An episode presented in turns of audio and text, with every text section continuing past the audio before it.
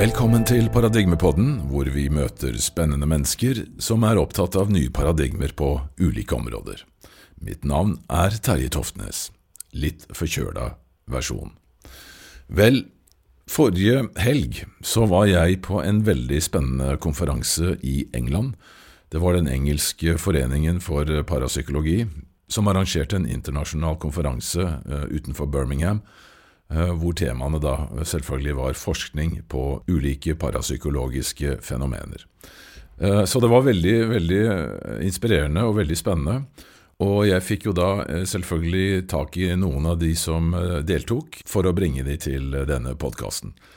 Og vi starter med dr. Callum Cooper, som underviser i parapsykologi på universitetet i Northampton. Og han er også en av de mest profilerte innenfor dette området i eh, England, og er veldig mye på både podkaster og TV for å fortelle om parapsykologi som sådan. Jeg fikk til en eh, prat med Callum, og her kommer resultatet. If we just could start with uh, your background, how you entered this field in, in the first place. Okay, we've got a long story ahead then. So I'm I'm Dr. Cal Cooper. Um, I'm a psychologist based at the University of Northampton, and I suppose I'm best known for parapsychology. So how did I get into that? Well, I'm not based in Northampton. I live in Nottingham, um, even though my work is there. And growing up in Nottingham, which is some hour and a half away on on the roads, it's it's got a really good uh, vibrant history for claims of haunting phenomena and ghosts. So wow. there's the former home of Lord Byron, the poet, Newstead Abbey. There's many old pubs, we're talking hundreds of years old, that boast being the oldest ones in the world. The ye old trip to Jerusalem, the Salutation Inn. And growing up with that, I used to go to the local library with school, and there would be just one section that had four or five books, that was it, with just my fellow classmates, just a couple of other guys and we'd sit down and we'd look at these books that would talk about the Loch Ness monster, aliens, um, Gef the talking mongoose that was investigated by Harry Price, um, and then there were local, really low budget, printed, stapled, laminated pamphlets by local writers that had gone to um, a workshop, local workshop, or gone to a local pub or um, a greengrocer's and heard about someone's ghost story that had been in the local paper. So they went and interviewed them.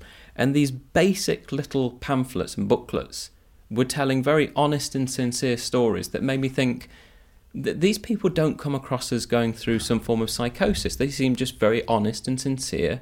And why is it when other people go to those places who don't know of these claims, they experience the same thing? So it interested me. But I always thought my career was going to be in acting and performing arts. I, I tried to pursue that line. Okay. So I was doing filmmaking, um, I did acting, I love stage work, I did dance as well. Um, but I decided to take on a psychology degree as something that later on I could fall back onto and use that degree for employment if I needed to. Okay. But I realized there was such a topic as parapsychology. and I sought out universities that had it as a taught module and that I could do research projects on. And by doing that, I ended up staying and didn't fall back on acting. Um, I still love that domain. I've ended up becoming good friends with many people working in film and theatre. Um, but parapsychology now is is my own media outlet. I do a lot of radio interviews and TV work through the science of parapsychology and, and other work in psychology too. Wow, great. So, could you uh, tell us a little bit about the history of, of uh, parapsychological research uh, in the UK? For Great Britain, it's it's had some distinct differences from the USA. So when I teach the history of parapsychology, I tend to teach the USA version of things. We had the establishment of the Society for Psychical Research in 1882 through Trinity College, University of Cambridge. Then in about the 1920s, Harry Price, with his National Laboratory of Psychical Research, had his council based at the University of London. Um, but it was really at that time in the 1920s that psychical research worldwide was um, gaining university status because of Joseph Banks Rhine and his wife Louisa Rhine setting up shop at Duke University thanks to William McDougall and them having a laboratory for parapsychology there. And that's where they started doing Zener card tests, looking at probability theory, They've moved away from testing mediums and investigating hauntings. They were trying to put some control onto day to day psychic experiences and establish a really good methodology that any psychologist or scientist around the world could read their research papers, replicate it, and contribute to what was going on to see can we actually control and capture evidence of psychic phenomena by looking at can people achieve something beyond what chance expects. Mm-hmm. So when Duke University did that, more and more people started getting involved in the research worldwide. More universities started to take it on as well. They weren't the first. William McDougall, who set them up there, he'd done some of the initial formal studies at Harvard University as well. Okay. So Harvard is really the the the original place in which some significant studies first came out of, but it's grown and grown over the decades since then. Okay, so how many students uh, today would you uh, say, in average, uh, are attending uh, courses on parapsychology? Well, I, I, think across the UK alone, there must be hundreds every year. Within the University of Northampton, we have a third year module called Parapsychology and Anomalous Experiences. And every year we get about 50, 55 third year students doing that module, and maybe four or five then doing their last year project on parapsychology. We've got um, other universities we work very closely with, for example, Manchester Metropolitan University. Their module also links in with neuroscience, and they get 100 students on average doing that every year. Uh, we've got colleagues here today at the SPR conference, such as Dr. Malcolm Schofield. At Derby, they've got a taught module as well. So there's about 12 universities in the UK that have a taught module that's part of your university credit, and another 12 universities beyond that where there are members of staff who have a PhD in the area or research interest so they can supervise mm-hmm. research projects. So hundreds every year, I think. But with so much, uh, so many studies, so many people involved, both students and, and teachers, uh, one should expect that this uh, by now was was accepted by the mainstream science. I think we could tackle that from various angles, um, and it depends who you're asking. For me and my own experience of, of living this profession and what I've seen and the debates you get into, I find it a very rare argument uh, to be brought up now as to is parapsychology a pseudoscience? Is it accepted? From my experience, it very much is an accepted field of science. It contributes very well to a number of different aspects of psychology. And not just that, anthropology, philosophy, physics, sociology, you can overlap it to other areas. Even today, cyber psychology is one of the talks coming up. And it's also demonstrated itself to have been um, one of the early initiators for good methodology that's now branched out into the rest of social science probability theory, shielding, randomization, mm-hmm. meta analyses. Um, and so it's to protect itself and try and eliminate fraud and show good research practice, it's developed all these things and, and, more besides that over time that the other sciences have said that's a really good idea. We'll use that in this branch of psychology or this branch of social science. So I see it as an established science that all it's doing is saying there are a lot of conventional psychological explanations that we know of that can make people think they're having an unusual experience, but we're also interested in those instances where we can't find a current explanation that fits this one case. Mm. So let's look a bit further. Is there something new to learn? Or taking 100 people and testing them in the lab for something to see can some people within a population perform better than what chance expects? Mm. So, therefore, suggesting a psychic process. And if so, what's going on there? Can we take a neuroscience look and look at brainwave activity as they do those studies?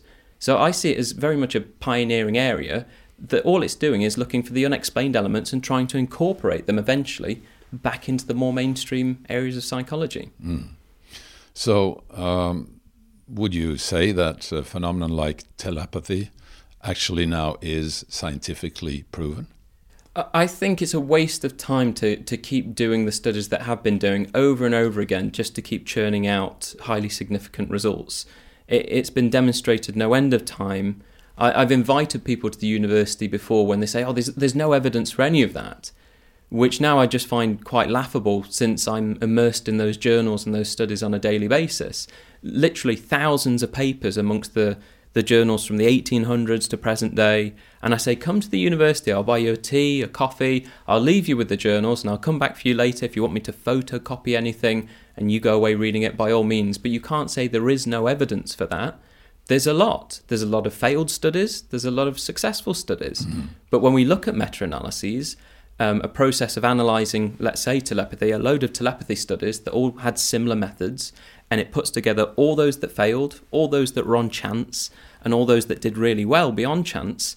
Overall, those meta analyses are showing something is going on, and it's very comparable to other findings in psychology outside of parapsychology.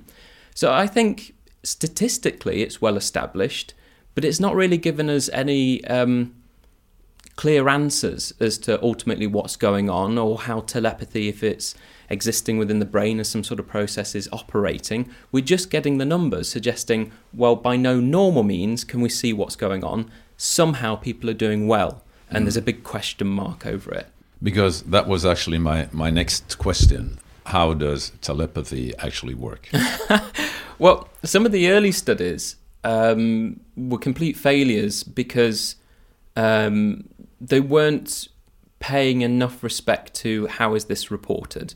Um, I mentioned in one of my slides tomorrow on the sense of being stared at a quote from Dr. Richard Broughton um, that he got from an engineer. And if I remember the which way round it goes, it was if you want to know how it works, first find out what it's for. And with these early telepathy studies, they were testing strangers or people that weren't particularly close. Now, when you hear about day to day accounts of telepathy, they are between siblings, very close friends, mothers and fathers, sexual partners, um, people in your social groups, people that matter to you. You, you don't have a random telepathic experience about someone in a supermarket that you don't know. That doesn't happen. It's not reported. But the early tests were with paired strangers. And so there's no wonder they were on chance or they just didn't do very well. Yeah. Um, and so it as it operates, it's got some sort of survival basis, some survival mechanism for securing the safety and longevity of people in your social circles. That's what it's for. Um, if we took it all the way back to early man, it's argued that it's it's part of a hunting strategy. Mm-hmm. If you can hunt in groups and not say anything, not vocalize what you're trying to do, even by grunting, if you just instinctively know through telepathy where you need to go, what direction, how to work with your teammates to kill that saber-toothed tiger so you can eat it, mm. then telepathy is very handy. The same for clairvoyance. If you can see that information at distance, then you know to go in that direction off to the right and get the water or the berries, rather than off in that direction to the left, where actually for miles there's nothing and you die. Uh, and precognition. You instinctively know there's a, a dangerous animal over there that's going to kill you, or you just have a gut feeling, don't go there, because it's part of a premonition of something to come. So, how's it operating? Why, it's a survival based mechanism. It seems to have its, its purpose in keeping you alive for as long as possible and giving you emergency information you need to know. So, that, that's one idea that's been dabbled with. But that means that must be, mean that there is um, some t- type of medium carrying this information. Yeah, I mean, people have dabbled with the idea of if something is transmitting from the mind to another mind, what exactly is, excuse me, leaving the body to do that? Um, some ideas have come up, such as there being a psi field. There's this field of information, and, and that's how it exchanges, very much like mm. radio waves, which we know exist, Yeah. like electromagnetic fields, which we know exist, like Yeah. ultraviolet, and many invisible forces that are around you and I right now. But I- you know, they're around my hands. But unless I've got an actual piece of apparatus to measure that it's there, it's not really registering with us. It's influencing our bodies.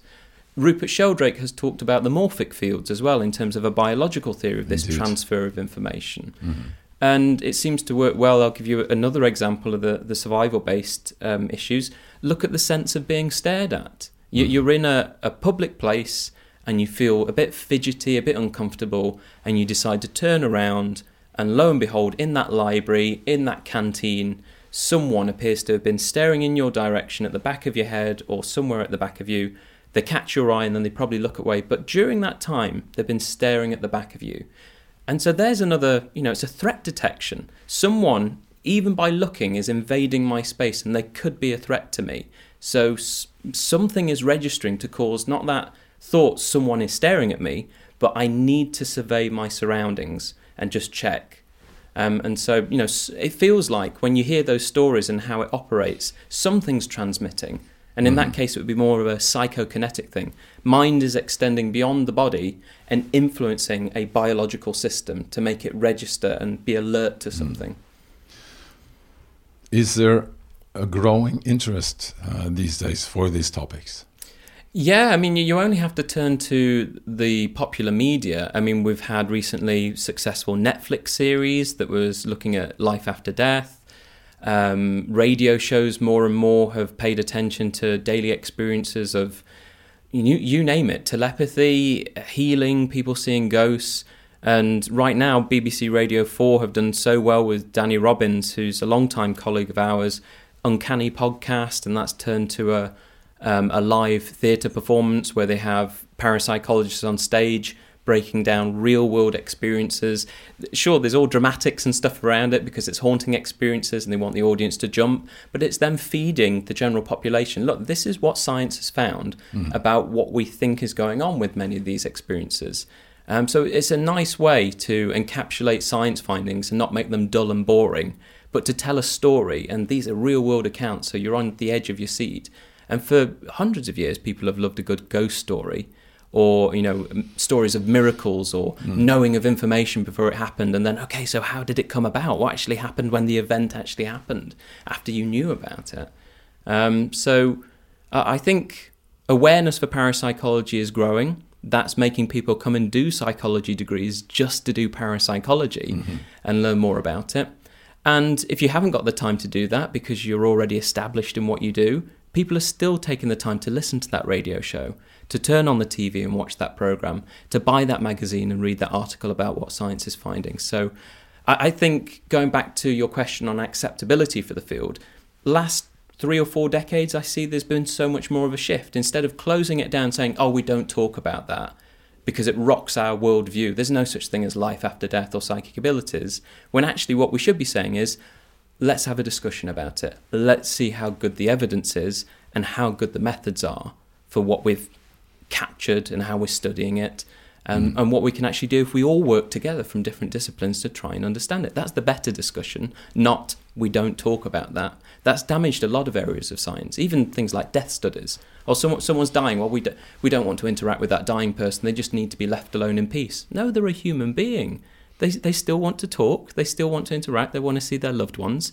It's shutting things away and, and hiding problems doesn't help anyone. Talking mm. about them and being open about them does. Yeah, great. I just want to cover one more topic, and um, of course, it is the um, the elephant in the room, um, consciousness. How do you uh, how does consciousness fit into this and, and, and to your studies as, as a phenomenon? Consciousness to me is a variety of things. It's about um, awareness of the lived experience, um, it's about personality, and um, certainly memories of what happened yesterday, a week ago, month ago, back to your early childhood. It, it's it's massive, and it's a combination of all of our senses and the biological brain and biochemicals and neurons firing and a, a, big argument between is it just a biological system that gives us this grand illusion of life? Or are we going to go in different directions with that? Is parapsychology and showing that there are instances where the mind seems to extend beyond the brain or personality which i'm more keen on the idea that personality may survive death. Maybe not conscious awareness, but personality may become retained mm. and able to be retrieved somehow from what evidence we've seen in parapsychology.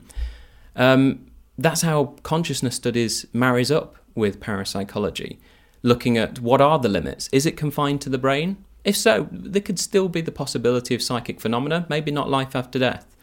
It also links in with transpersonal psychology, when people have religious and peak experiences.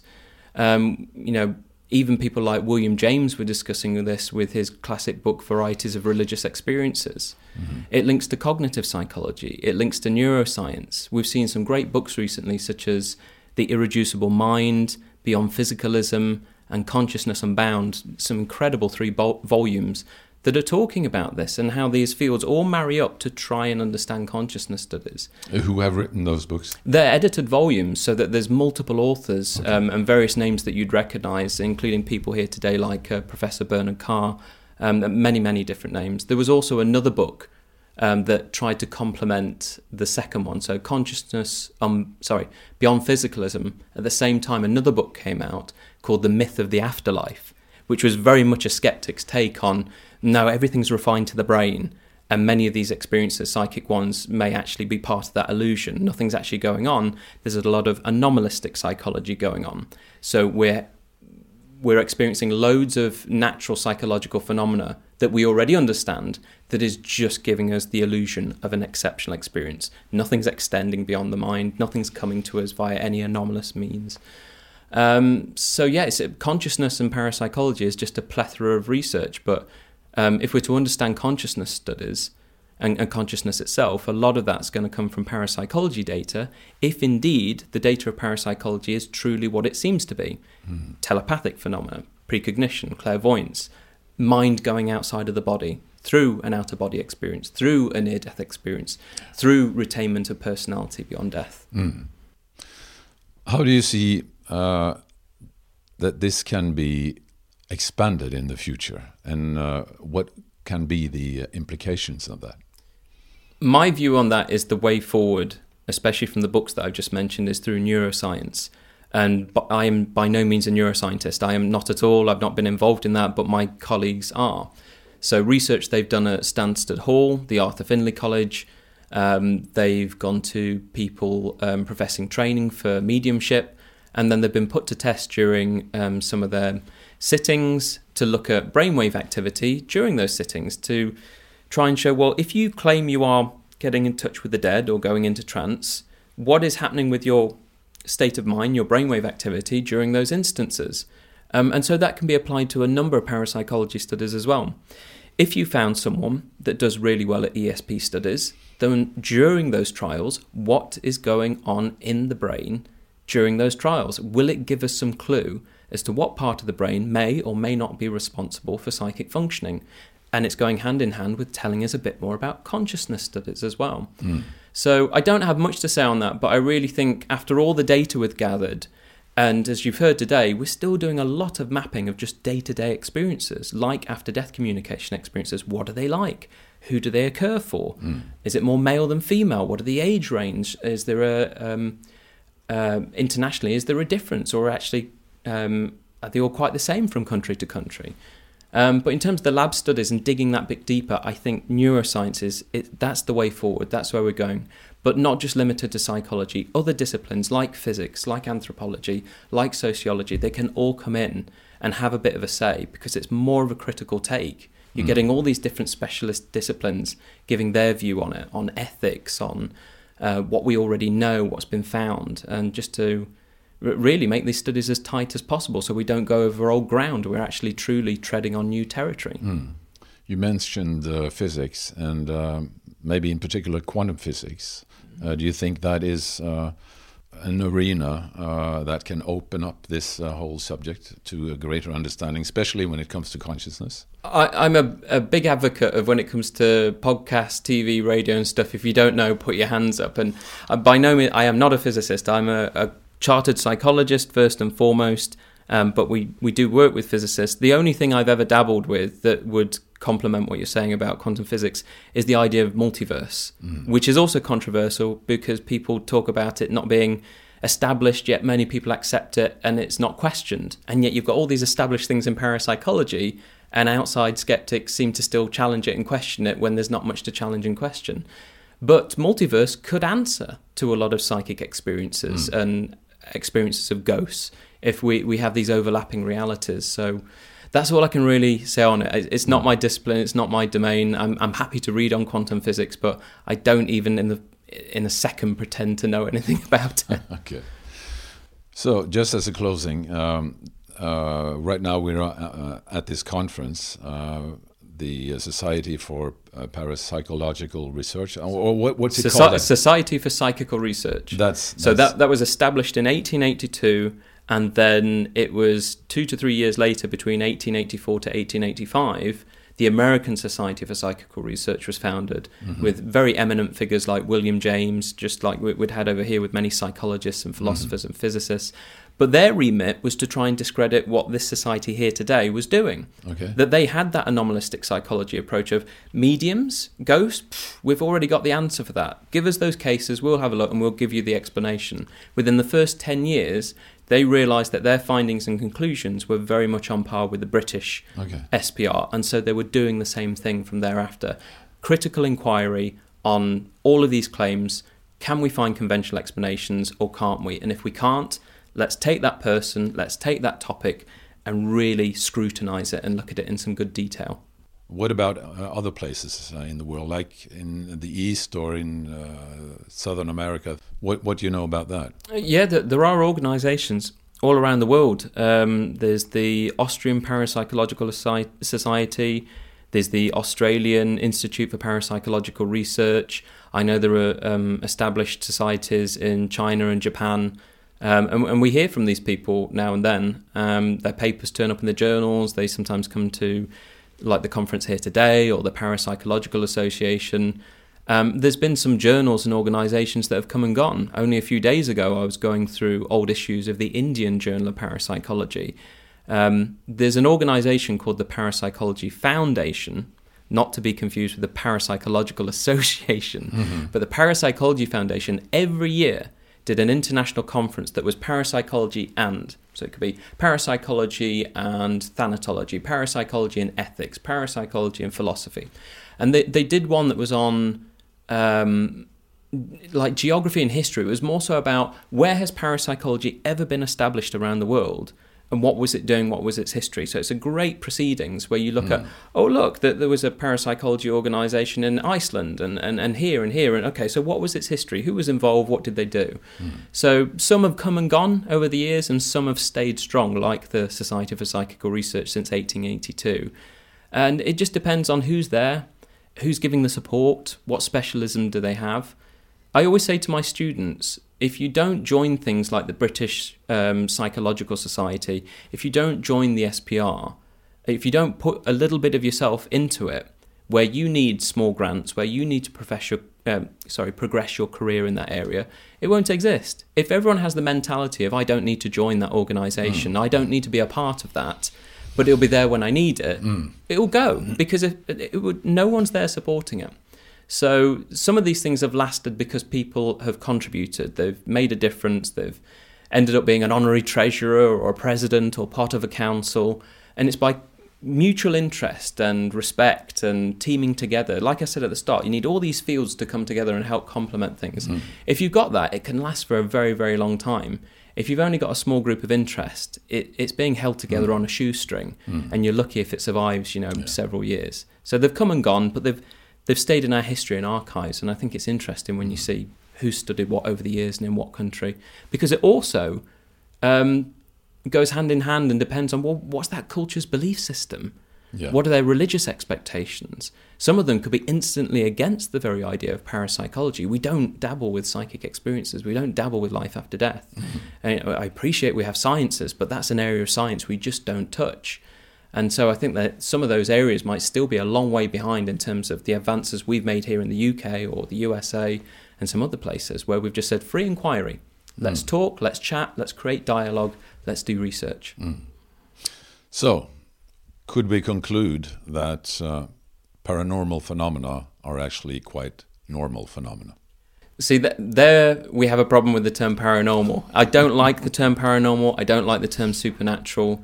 And, and Rupert Sheldrake has often said, you know, if we look at an audience of people and we say, have you ever thought about someone you haven't spoken to in a while and the telephone rings and you think that's them and you pick up the phone and it is them?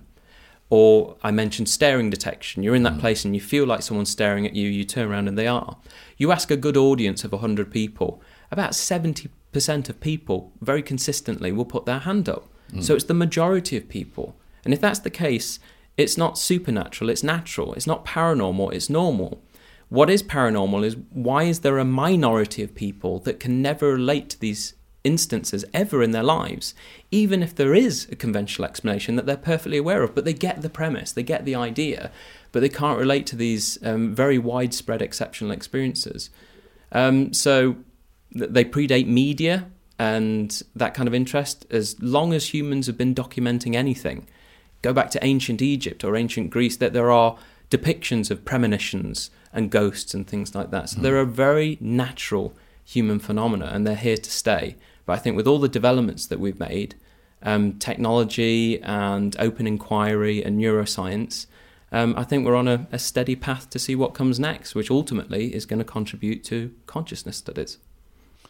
Well, definitely it's going to be very exciting. Thank you so much. Thank you for having me. Thank you. Thank you. Ja, tusen takk til eh, Callum Cooper. Det er alltid veldig spennende å høre fra altså forskningsmiljøer innenfor dette feltet, fordi eh, det gjøres altså så mye eh, virkelig seriøs forskning på alle mulige typer parapsykologiske, eller skal vi si paranormale fenomener, eller si-fenomener som de ofte kaller det. Så um, det er veldig mye som foregår på dette feltet nå, og som også flere av disse forskerne sier, så er det tydelig en økt interesse for dette, spesielt etter pandemien. Uh, man kan jo lure på hvorfor. Er det fordi at folk da fikk mer tid til å sitte og søke på nettet og se på YouTube-videoer? Det er godt mulig. Men i hvert fall, det er en økende interesse for hele dette feltet, og, da for, og da spesielt også for forskning på fenomenet bevissthet. Og det syns jeg er eh, både hyggelig og veldig, veldig spennende. Så dette skal vi snakke mye om videre i denne podkasten. Jeg vil til slutt da bare minne igjen om vårt vips nummer som er 524005, 524005, for de som vil være med og støtte oss videre. Og tusen takk til alle dere som har gjort det. Så da ønsker jeg bare velkommen tilbake igjen neste uke til neste episode av Paradigmepodden.